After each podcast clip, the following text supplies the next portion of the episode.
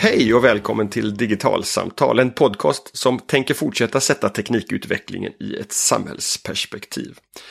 Sommaruppehållet däremot, det blev längre än vad jag hade planerat för på grund av några ombokade intervjuer precis där i mitten och slutet av augusti. Men nu finns det tre färdiginspelade och snart färdigklippta avsnitt på min hårddisk. Och dessutom en ny grafisk profil med en snygg logga framme för digitalsamtal. Och därmed så är jag redo för att trycka på publicera-knappen igen.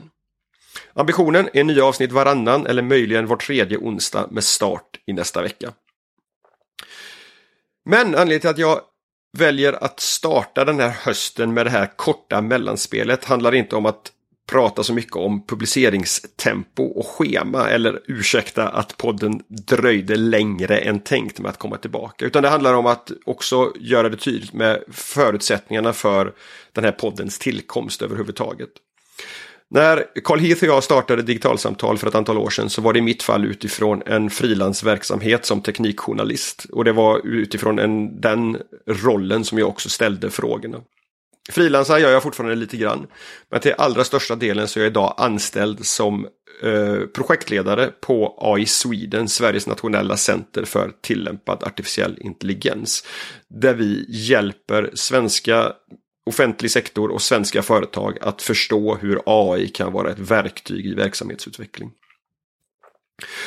Och det här innebär också att en del av de avsnitten som kommer publiceras framöver kommer publiceras i samarbete med AI Sweden. Just de som handlar om hur AI eh, kan vara ett verktyg och andra väldigt AI-nära diskussioner.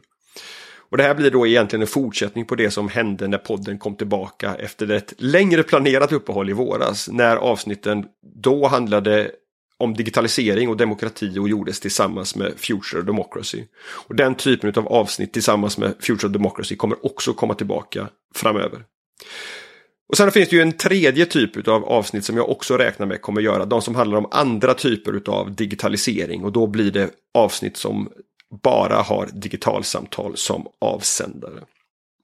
Och med det här så hoppas jag att eh, förutsättningarna för er som lyssnar ska bli klara och tydliga om vem jag är och från vilken plattform jag ställer de här frågorna till mina gäster framöver.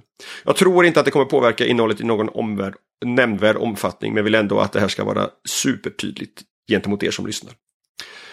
Och med det så säger jag på återhörande om en vecka med ett riktigt avsnitt. På återhörande då och innan dess gärna i min inkorg på podcast.digitalsamtal.se om det finns några ämnen eller gäster som du gärna skulle vilja se att jag tar upp eller bjuder in i podden framöver. Och med det, hej så länge!